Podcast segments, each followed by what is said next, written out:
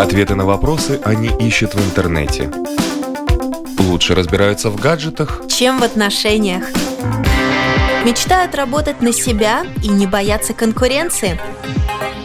Они самостоятельны. Экономны, лишены иллюзий. У них другие интересы.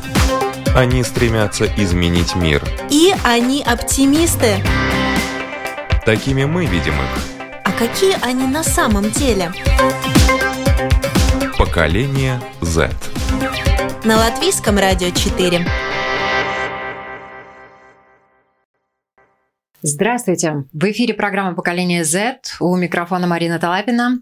За операторским пультом Ренис Будзе, режиссер программы Даниэль Йофа.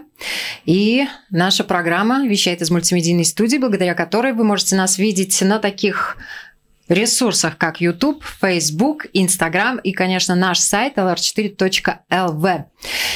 И напоминаю, программа «Поколение Z» — это платформа, где встречаются Молодые люди, старшеклассники предлагают свои темы и обсуждают их. И сегодняшнюю тему нашей программы тоже предложили ребята. И э, со мной эту программу ведет один из инициаторов этой темы, Кирилл Гончаров. Здравствуйте. И сегодня наша тема звучит так. Я родом не из СССР.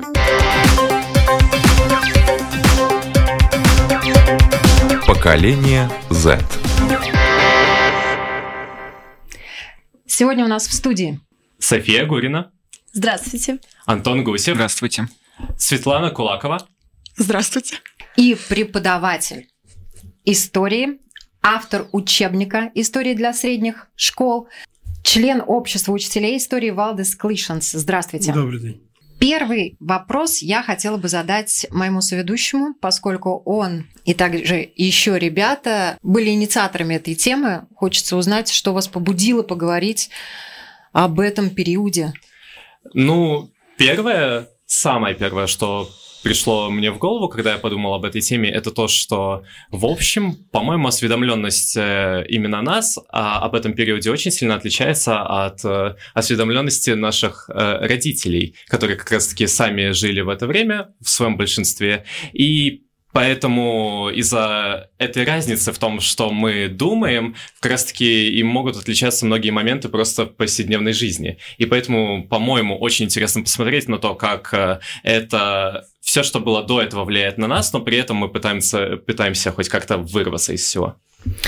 Мы столкнулись с необычной реакцией людей, когда захотели узнать их мнение на улице. И слово сейчас Свете Кулаковой, которая проводила опрос да, мы сначала хотели э, провести опрос на улице, но у нас это вообще не получилось. Никто, ну, по понятным причинам, кто-то просто не хотел сниматься, а в большинстве своем просто не хотели даже говорить об этой теме. Как только ее слышали, такие, ой, не-не-нет, типа, что угодно, только не это.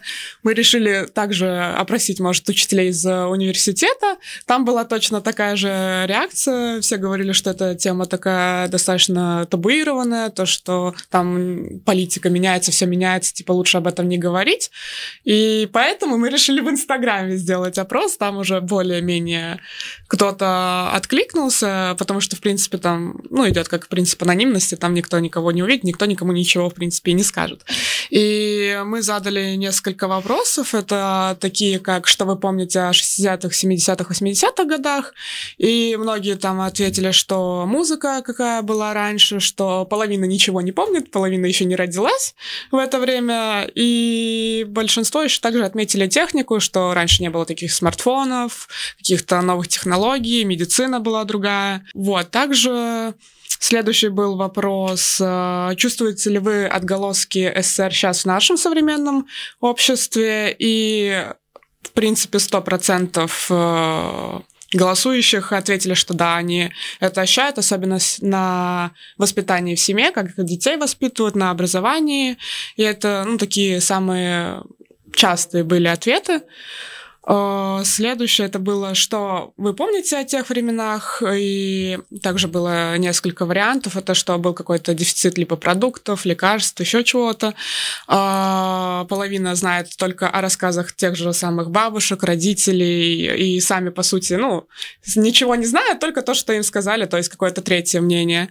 И Кто-то отвечал, что все было лучше, чем сейчас. Ну, это тоже свое мнение, так сказать.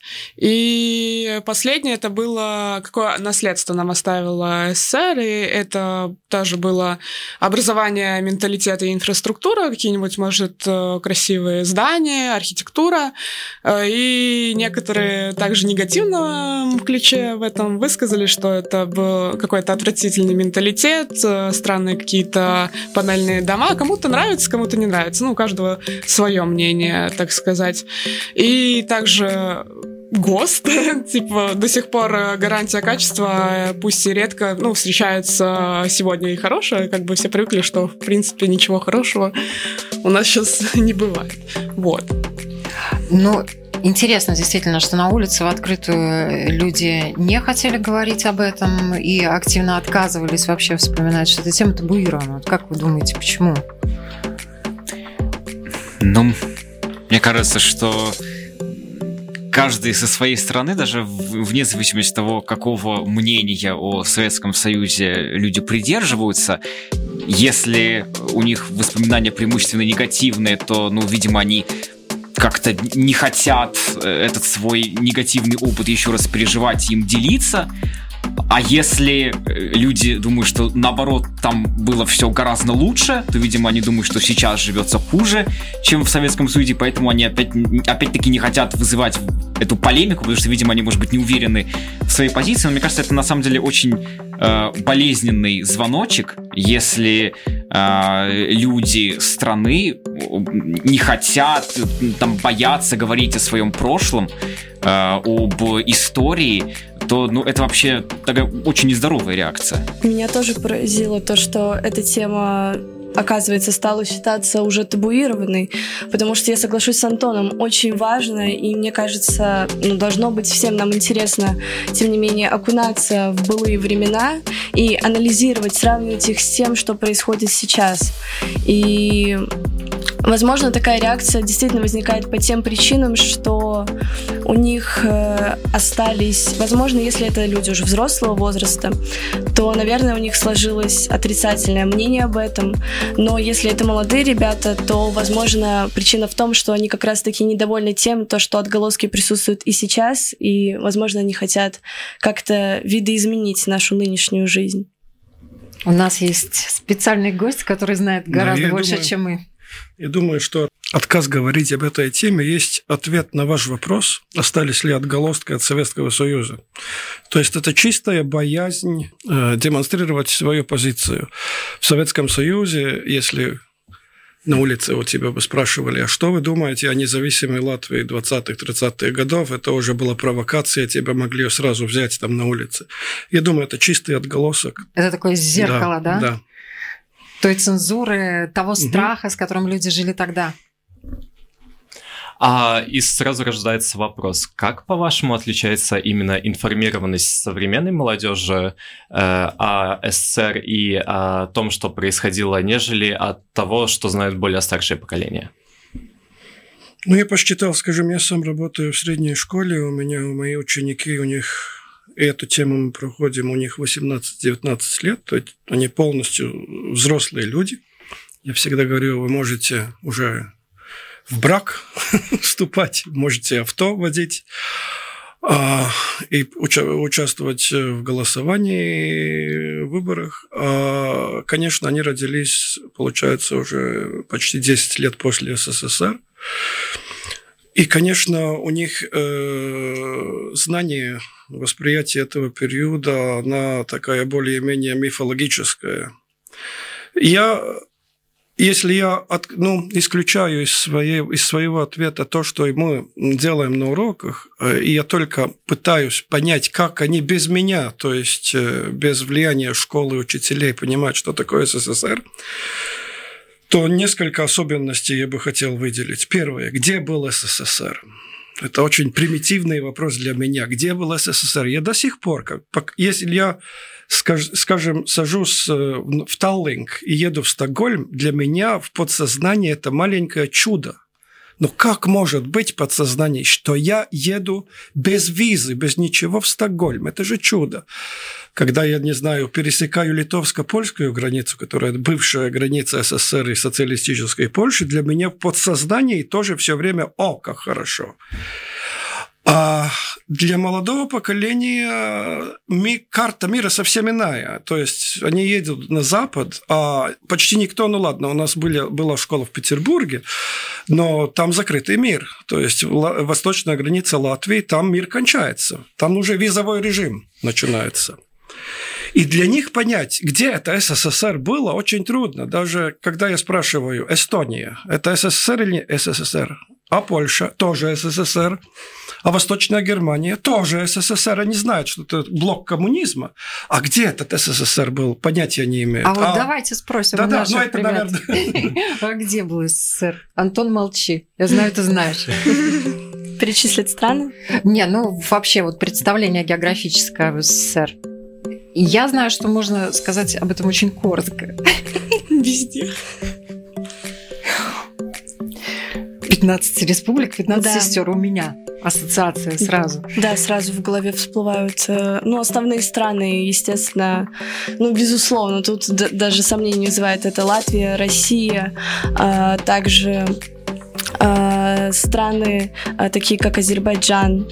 И мне кажется, на самом деле, вот, ну, с самого детства мне всегда преподносили это как такой дружный, большой один народ, а, большая связь. И действительно, вот даже в какой-то степени грустно то, что происходят такие конфликты, и больше нет одной великой, мощной республики. Ее, наверное, хотелось бы лично мне вернуть. Мне кажется, тогда можно было бы чувствовать себя более независимо.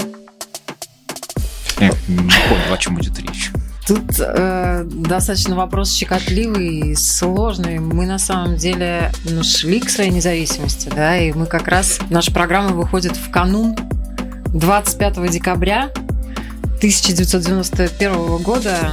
Эта дата очень знаковая, потому что именно в этот день окончательно перестал существовать СССР и перестал он существовать отчасти и от того, что в 1988 году, например, в Латвии, Литве и Эстонии появились народные движения, Народный фронт и так далее, который как раз привел нас к независимости. Хотелось бы поговорить э, вот о том, какие еще у вас представления и знания о том периоде. Ну, в моем случае э, э, у меня ассоциации с этим э, временем достаточно негативные, потому что я сразу вспоминаю о двух депортациях, которые происходили на территории Латвии, также о депортациях других национальных меньшинств, которые происходили, в принципе, по всей территории СССР, где жили какие-либо нацменьшинства.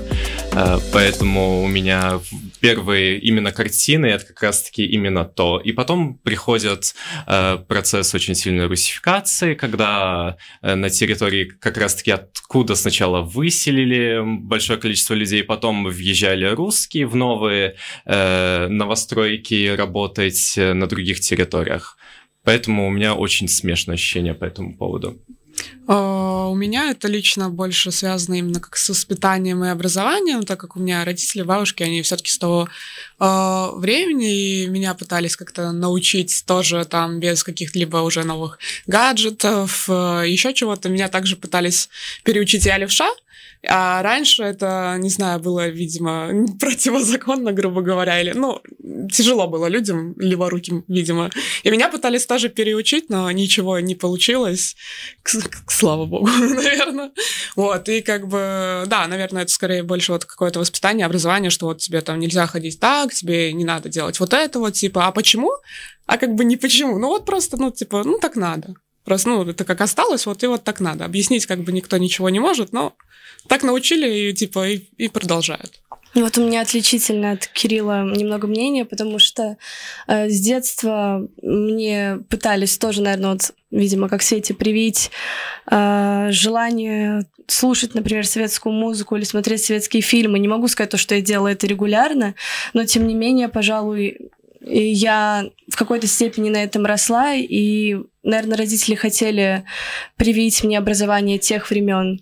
А какие эмоции вызывают? Вы же наверняка смотрели и советские фильмы, и на мультфильмах частично, может быть, Да. выросли. Вот ну, какие эмоции это вызывает? Добрые, положительные. Мне кажется, как будто бы люди были более честными и более открытыми. Не было в них столько зла и агрессии. Очень много в тех же, ну не знаю, мультфильмах, фильмах а, поучительных моментов. Они показывают жизнь, какие бывают люди, с какими Сейчас намерениями. тоже выходят голливудские шикарные мультфильмы и Это там, честнее и душевнее. Лично для меня, как я это вижу.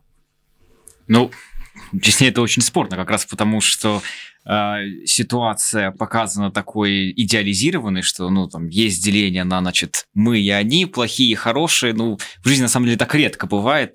Под как раз-таки влиянием э, пропаганды и цензуры, которая исходила из государства, были вещи, которые можно было показывать, были вещи, которые нельзя показывать. Э, и, э, ну, и здесь, опять-таки, нужно отделять культуру и искусство, которое в некотором смысле всегда пробьется. Там вот даже вот, допустим, Дмитрий Быков э, говорит о том, что э, в России искусство ну, как раз-таки расцветает в моменты какого-то давления, в моменты кризиса. А, и политическую, социальную, о том, что происходило на государственном уровне.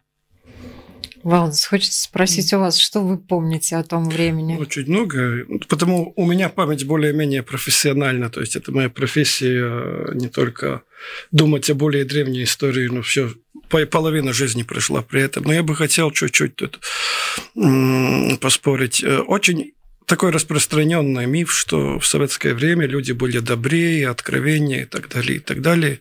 Я сравниваю свои школьные годы и сейчас нашу молодежь. А, И я всегда откровенно говорю, наша молодежь 10 раз лучше, добрее, открытые. То есть возьмем хоть бы один пример. Вы знаете, что такое дедовщина в школе? У вас есть? Вы бьете детей, которые помоложе? Нет. А в советское время это была нормальная практика, когда старшеклассники избивали молодых. И, ну, не будем говорить о советской армии, где это вообще была норма, дедовщина. А в школе, я помню, вот мы были первоклассниками, и третьеклассники над нами все время издевались. Потом мы издевались над младшим. Это был... Я, я учился в нормальной, в средней такой рижской школе. Я не буду сейчас это вспоминать в какой, ну, чтобы не было каких-то конфликтов. Но это была нормальная практика. Ну вот мне, наверное, повезло, слава богу, вот я с таким не сталкивалась. Наверное, это не во всех было, и все-таки, наверное, зависело от учителей, Культ там- войны. Мы были маленькие дети, и мы, я помню, как сейчас мы ехали в класс, ну, где-то в третьем классу, и мы, мальчики, рассуждали, как плохо, что нет войны. Культ войны. Это вот тогда я могу себя проявить, вот тогда я буду убивать врагов, там, не знаю, немцев, фашистов, каких-то друг- американцев. Э, Но мы Этого росли в закрытой стране. Вот это, Это я большая очень тюрьма. хорошо Это огромная помню, тюрьма. да, что попасть за границу это было мечта. в Польшу, хоть бы раз в жизни увидеть Польшу. Это тюрьма, это если кто-то помнит, как выглядела Берлинская стена, или та же самая советско-польская, советско-чехословацкая граница, это проволоки, там эти все с собаками, это же как огромная тюрьма. Кстати, я сам работал в тюрьме, моя первая Первая практика как учителя была в тюрьме. Это в 86 году. Рижская центральная тюрьма. тюрьма. Я там преподавал историю. И я помню, вот, как выглядела тюр- тюрьма с этими колючими проволоками, электрическими заграждениями, автоматчиками, которые стояли. Так и выглядела граница СССР. Это надо просто хоть бы фотографии посмотреть. А это все остальное пропаганда, что тут очень душевные люди были. Злые. Повсюду злые, недовольные лица. Ну, может быть, в чем-то наивные тоже. Тоже наивные, да. Да, потому что прокачка идеологическая очень серьезная шла, и кто-то верил в светлый коммунизм, а кто-то сомневался. Были такие. Если бы не было тех, кто сомневался, то, наверное, вряд ли бы мы с вами сегодня э, жили в стране, которая называется независимой европейской Латвией. А у меня к вам э, предложение и мини-викторина. Знаете ли вы, кто такой Чебурашка? Конечно. Ну да. Из мультика. Хорошо. Что такое дефицит? Когда чего-то не хватает. Там дефицит продуктов, калорий. Ну, бывает, да. Да. Но а, эпоха дефицита, как называют э, Советский период – это когда все время чего-то не хватает. И не просто чего-то, а много чего. Как раз вследствие кризиса плановой экономики, вот в, в спрос было, в магазинах нельзя было этого купить. Ну, например, Ничего. мама мне рассказывала то, что да, действительно был дефицит там в той же одежде, но при этом она мне сказала то, что всем удавалось, допустим, там мечтала девушка о французских духах, они у нее были каким-то образом. К сожалению, не у каждой девушки они были, да. У некоторых, да, некоторым удавалось как-то э, доставать э, дефицитные товары, но в принципе, вот вы можете себе представить, э, что сегодня вы очень хотите купить телефон, у вас есть деньги, мобильный или ноутбук, у вас деньги есть, но вы купить его не можете. Был такой термин «достать товар». Достать. Достать товар. Да. Надо было иметь знакомых, которые работали в базе, где привезли бы мобильные телефоны, и тогда он только своим знакомым бы распродавал их. Ну, мне кажется, это сугубо э, отказ от методов капитализма, в общем. Э, И из-за этого как раз-таки происходил дефицит, потому что э, э, это один из главных слоганов был «Мы против капитализма». Из-за этого, конечно же, э, продукты производились, но при этом они в массах не продавались, потому что э, тогда люди бы, были бы более свободны в своем выборе, и это бы привело к тому, что все разрушилось. Хорошо. Знаете ли вы, кто такой Рудольф Нуреев? Ну, я только имя слышал в одной песенке, но нет. Ага, хорошо, ну, наверное, может быть, его, а, условно назовем, подвиг повторил Михаил Барышников. Кто такой Михаил Барышников и что, собственно говоря, он сделал в Ну, советское время? Михаил Барышников танцор. Правильно. балетный. И я такая, как учительница, сижу и спрашиваю. Они в свое время, и началось это как раз с Рудольфа Нуреева, это был известный танцор Кировского театра, который тогда э, гастролировал за рубежом, и это был первый артист балета, который бежал. Не просто бежал, он попросил политического убежища, что, собственно говоря, сразу подрывало в те времена иллюзию о том, что в СССР жить здорово и хорошо. И после этого вот Михаил Барышников, в том числе Александр Годунов, которые, кстати, родились э, и учились в хореографическом училище в Риге, они тоже повторили этот шаг и остались на Западе во время гастролей своих театров. Тогда это было э, со стороны этих артистов очень серьезным шагом. И я думаю, что Валдес э, подтвердит, э, ну, их родня, которая осталась здесь, она сразу подвергалась обструкции. У меня тоже такой даже личный опыт. Мой отец, он в советское время был знаменитый музыкант, валтернист, он играл в симфоническом оркестре. И он с московским симфоническим оркестром ехал по, по Европе и в Америку.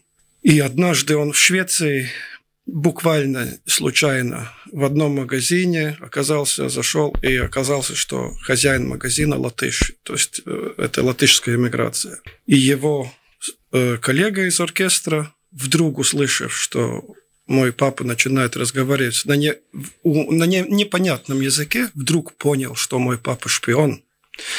И когда он вернулся сюда, в Латвию, через Москву, кстати, из Стокгольма же не, не- ну, надо было ехать самолетом через Москву, и там огромный, там, ну, это целая другая история. Когда он вернулся здесь, в Ригу, пошел в консерваторию, где он преподавателем работает, и на следующий день была уже группа КГБ на допрос, у вас были, были контакты с иммиграцией, о чем вы говорили, то есть все уже было известно. И ваш То папа, есть я наверное, по- стал невыездным. Э, Слава богу, уже был 84 или 85 год, и, конечно, это все быстро кончилось. Но если, если бы это было бы в 70-е годы, он бы стал бы невыездным. Это еще раз говорит о том, что это была огромная тюрьма, люди, которые никуда не могли ничего видеть. И, конечно, шла огромная пропаганда, отголоски, которые я чувствую даже сейчас, что было очень радостное, хорошее общество. Но, видимо, что-то хорошее тоже было. Я думаю, что вы тоже можете что-то хорошее вспомнить. Ну, в любом режиме есть что-то хорошее, личная жизнь, молодость. Э, В этом разговоре я тоже чувствую, от ваших родителей это и есть и даже у любого человека есть ностальгия. Ну, ну, ну вот это миф о хорошем советском пломбире, мороженом, насколько он был вкусный. Но только был единственный пломбир, другого мороженого не было. То есть это есть, конечно, и, конечно, ну, если мы такие вещи берем, как хорошие фильмы, вы говорили, да, я тоже очень люблю до сих пор смотреть те же самые «17 мгновений весны» или другие там а фильмы. А театр? И театр, да. да Конечно. Который снял ну, да. наш замечательный режиссер. И можно даже говорить, что там был такой внутренний культурный конфликт, что это вот это, как это сказать по-русски, обспестиба, oppression, да, а, что это побудило режиссеров, актеров еще больше как-то выражаться, что Тут есть о чем подумать, правда ведь, да? Вот э, то, что касается невыездных и выездных. Пятая графа. Знаком ли вам этот термин? В паспорте, может быть, в смысле? Близко. Был такой пункт в анкете. Пятая графа означала не просто национальность, а чаще всего упоминалась э, в отношении лиц еврейской национальности, которым э, в определенный момент разрешили выезжать, покидать страну, потому что, в принципе, здесь они не могли себя проявить э, и сделать карьеру и так далее. Еще один феномен того времени, если можно так сказать. Пятая графа. Ну и, наверное, если там было записано, что он крымский татар или чеченец, то автоматически уже запрещался выезд. То есть депортированные народы. Но у латышей это не было в паспорте, но всегда, когда... Вот я знаю, мой папа, когда ехал... Э, каждая поездка – это два месяца подготовки документов там анкеты и допросы, опросы там, и ты должен был изучать там историю компартии той страны, куда ты едешь, чтобы тебя там пустили. И у нас э, родственник в Австралии, то мы этот факт все время скрывали, потому что если бы КГБ узнало, что у моего отца есть э, брат его матери, то есть брат моей бабушки, что он живет в Австралии, то его никуда бы не пускали. Угу. Кто такой Андрей Сахаров? Э, создатель водородной бомбы. Да. Ну и а который позже выступал за права человека после этого. Да, и за мир. И в честь да, него названа премия. И в 80-м году этот удивительный человек, академик, был сослан в Горький по домашний арест, потому что выступил открыто, в том числе и это озвучили на Западе, за то, чтобы Советский Союз не вводил войска в Афганистан, чтобы вернули солдат домой. Ну, в принципе, почти прошли. Экзамен почти прошли, но вот хочется узнать, чему вас учат в школе касательно того периода.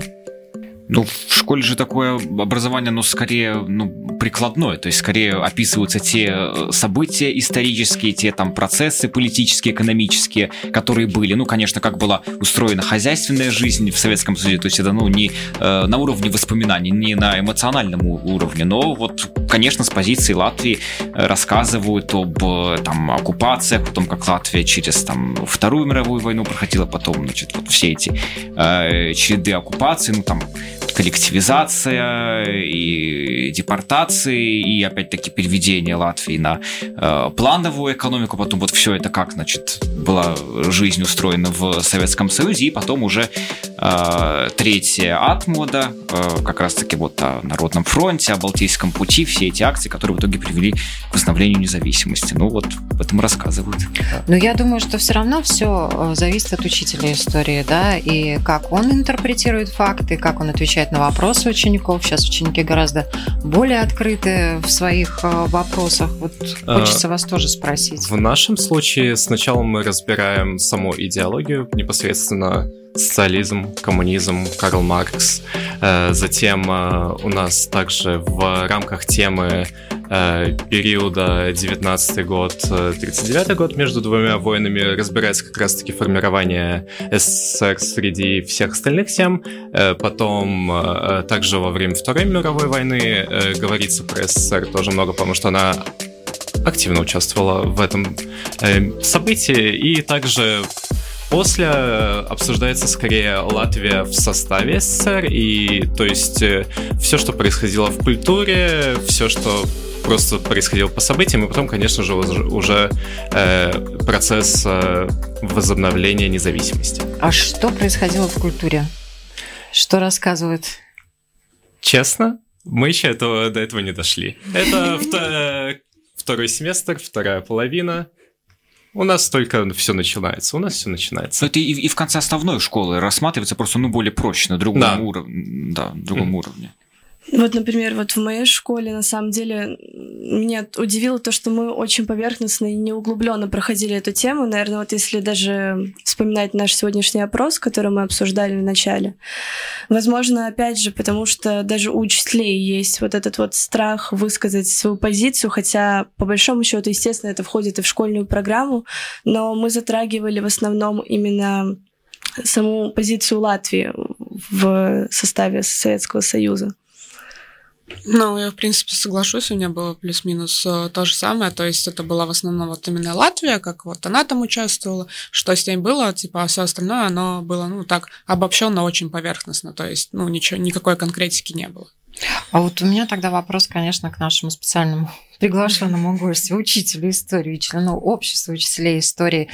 Вот на ваш взгляд, как должны преподавать этот период в школе?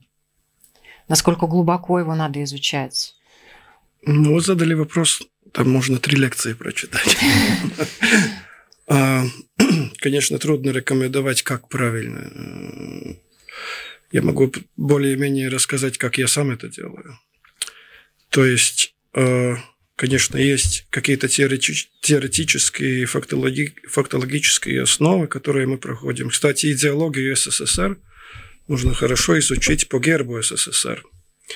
Мы можем 40 минут, даже больше, уделять только гербу СССР. Там вся идеология, все там есть. А, и серп молот над всем миром, и вся эта идея мировой революции, идея коммунизма. И на национальных языках, 15 языках там есть. Вису земи пролетариев, савиную тест и русская надпись самая большая, и так далее, и так далее. Но я практикую уже где-то, наверное, 6-7 лет последних, что в последнем семестре 12-классники сами подготавливают такие, делают опросы свидетелей.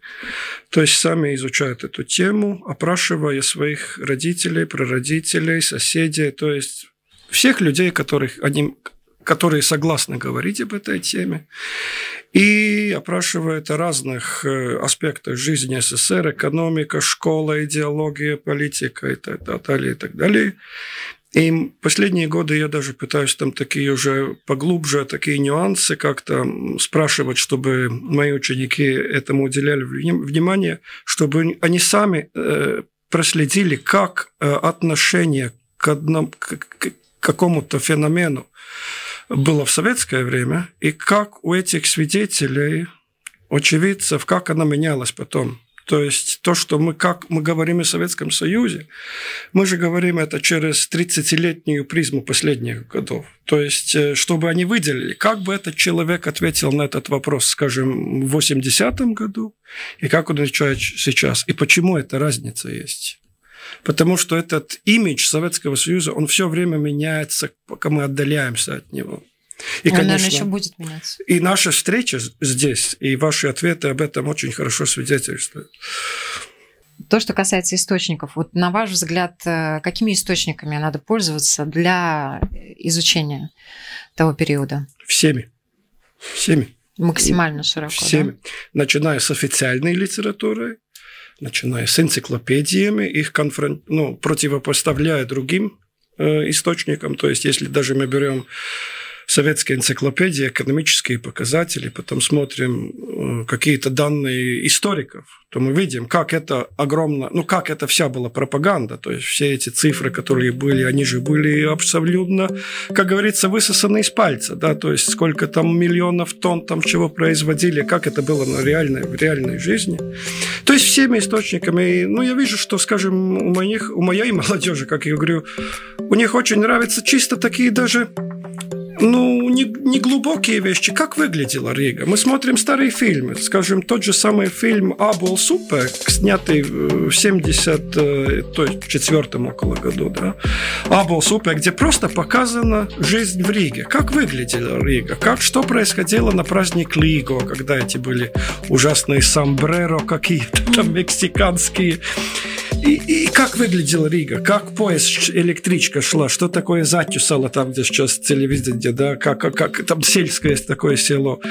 Э, даже сейчас в Ютубе и в интернете можно много таких галерей найти. Кафе Риги, скажем. И школьники очень любят это просто. Интересно, это то, что их касается, да. А мне интересно, вот вы когда с родителями говорите, там, я не знаю, в разговоре проскальзывает, а вот в наше время ну, моя мама так скорее нейтрально относится к Советскому Союзу. Ну, конечно, довольно много раз она мне рассказывала, мы с ней говорили об этом.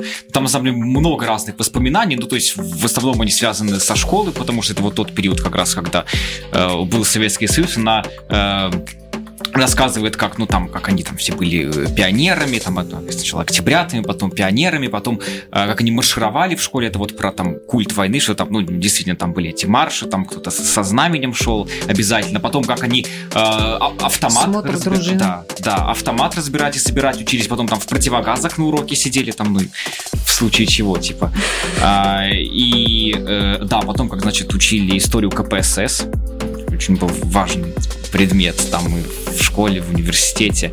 Это был а, страшный предмет. Вот и, и я, слава богу, меня пронесло. Меня, ну, меня да, только пугали, ладно. но нас пронесло.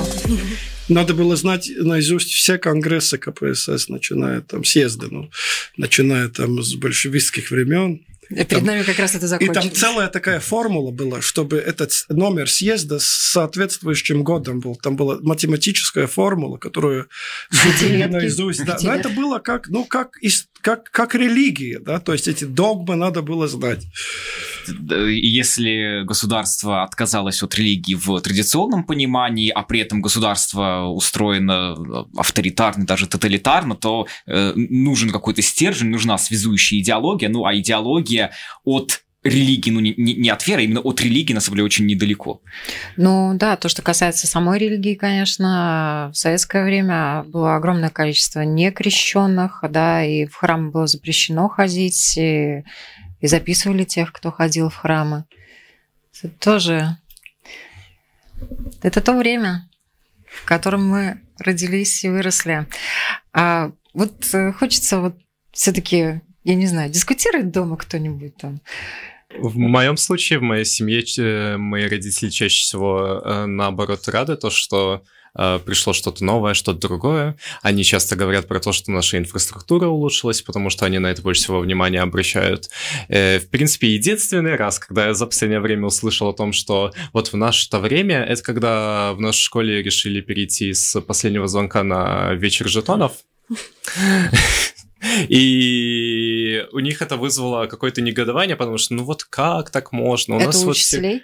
Вот все... Нет, это у учеников, то есть э, э, ну, последний звонок, в принципе, русскоязычные, в принципе, знают, как он приходит. Э, вечер жетонов – это обычно то, что происходит в латышских школах, когда как раз-таки это больше ориентировано на ученика, на то, что они вместе отдохнут, получат специальные жетоны чаще всего это кольца, персни, да, и значки. Да, и значки тоже актуальны. Mm-hmm. И вот это, это был единственный раз за последнее время, когда я услышал вот в наше-то время, да. А Тут... что ответили, вот как парировали? А, родители в основном не понимали, что происходит. То есть, э, а, потому что для них это было что-то настолько новое, и, а последний звонок настолько что-то уже существующее, что должно быть постоянно, что отказ от этого, э, они были очень сильно озадачены всем этим. А как ты их убеждал? Как-то что-то нормальное? Я просто сказал, выпускной мой в целом. И поэтому все будет именно как дети хотят, а не как э, хотят родители. Ну, это, наверное, даже логично. Вот э, вообще спорите ли вы о том времени? Ну, прямо чтобы споры бывают э, редко, но да, действительно, иногда заходят дискуссии. Ну вот я сейчас пытался вспомнить, но вспомнил, один раз мы обсуждали э, тоже такое распространенное утверждение, что вот Латвия, она именно в скажем так, промышленном плане, в плане урбанистическом очень сильно развивалась именно благодаря Советскому Союзу. Что вот Советский Союз, он как раз инвестировал в Латвию, поэтому вот здесь сколько заводов строилось.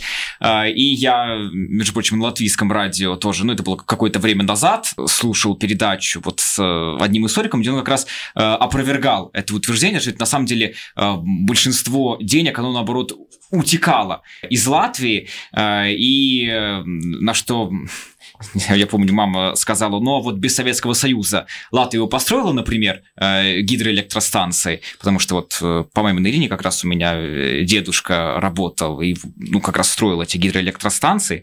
Я сказал, ну вот Кегумскую ГЭС же построили, ну, то, что касается вливаний, которые были в Латвию, Латвия отрабатывала это все очень хорошо, и те деньги, по крайней мере, по исследованиям, которые обнародуют в наши дни, э, сюда деньги было вкладывать гораздо выгоднее, чем в какую-то азиатскую союзную республику, потому что там деньги э, бывало пропадали, а наши очень честно их отрабатывали, зарабатывали и могли отчитаться за каждый рубль. Но это, наверное, свойственно менталитету тех людей, которые здесь живут.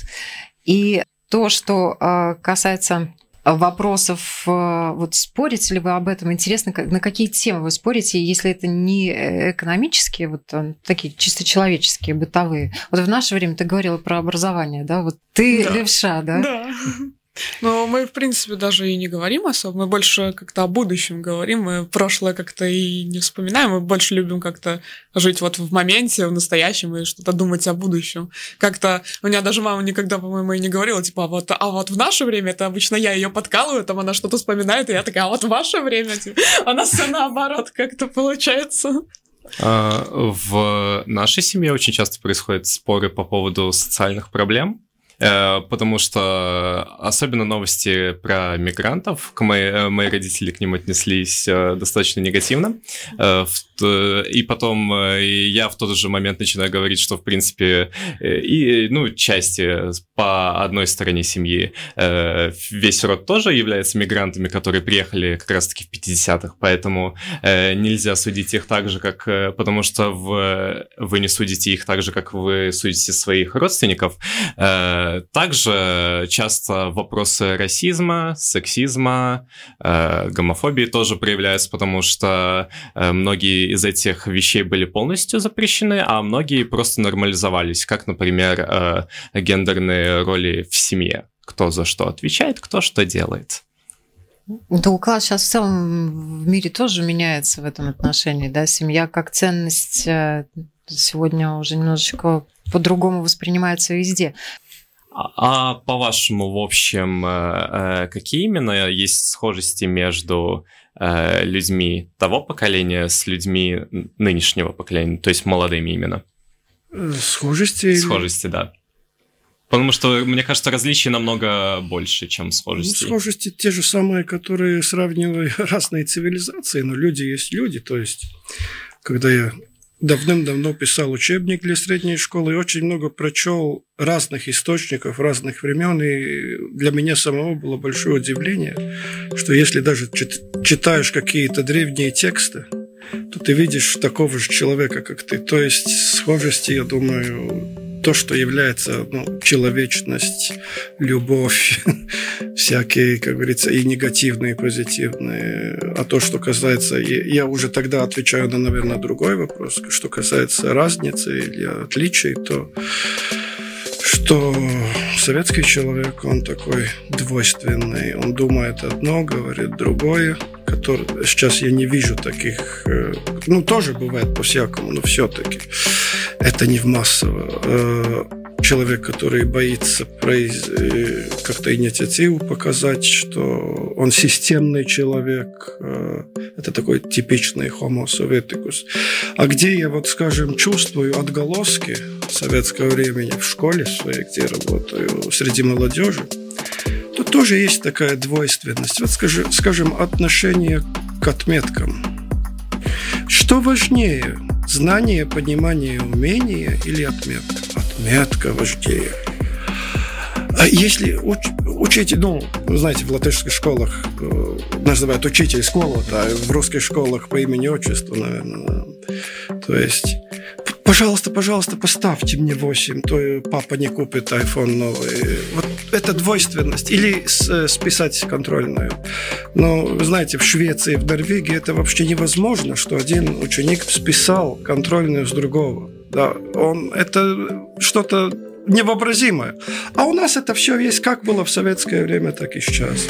Списывание домашних работ. Иногда у меня на уроках э, я вижу, что списывают математику, там, испанский язык. И ученик говорит, учитель, пожалуйста, позвольте, у меня, у меня там безвыходное положение. Что вот это есть такая двойственность, которая, наверное, нет в тех странах, где не было СССР, Швеции, Финляндии. Очень хороший пример все время все-таки сравнивать с Финляндией. Потому что если мы сравниваем ситуацию на 39-38 год, то есть экономическое положение более-менее было равно Эстонии, Латвии, Финляндии. И мы видим, где сейчас Финляндия экономически, как она выглядит, и, как, и где мы все-таки, потому что мы постсоветское пространство. Есть что спрашивать. А как вы считаете, какие оставшиеся отголоски должны продолжить свое существование, а от каких стоит уже в наше время Совет, категорически... Да. Я вообще не вижу а, от советского времени э, позитивных никаких отголосков. То есть то, что есть позитивное, это э, всеобщечеловеческое, а чисто... Ну, что может быть позитивно от, от огромной тюрьмы? Ничего. Ничего.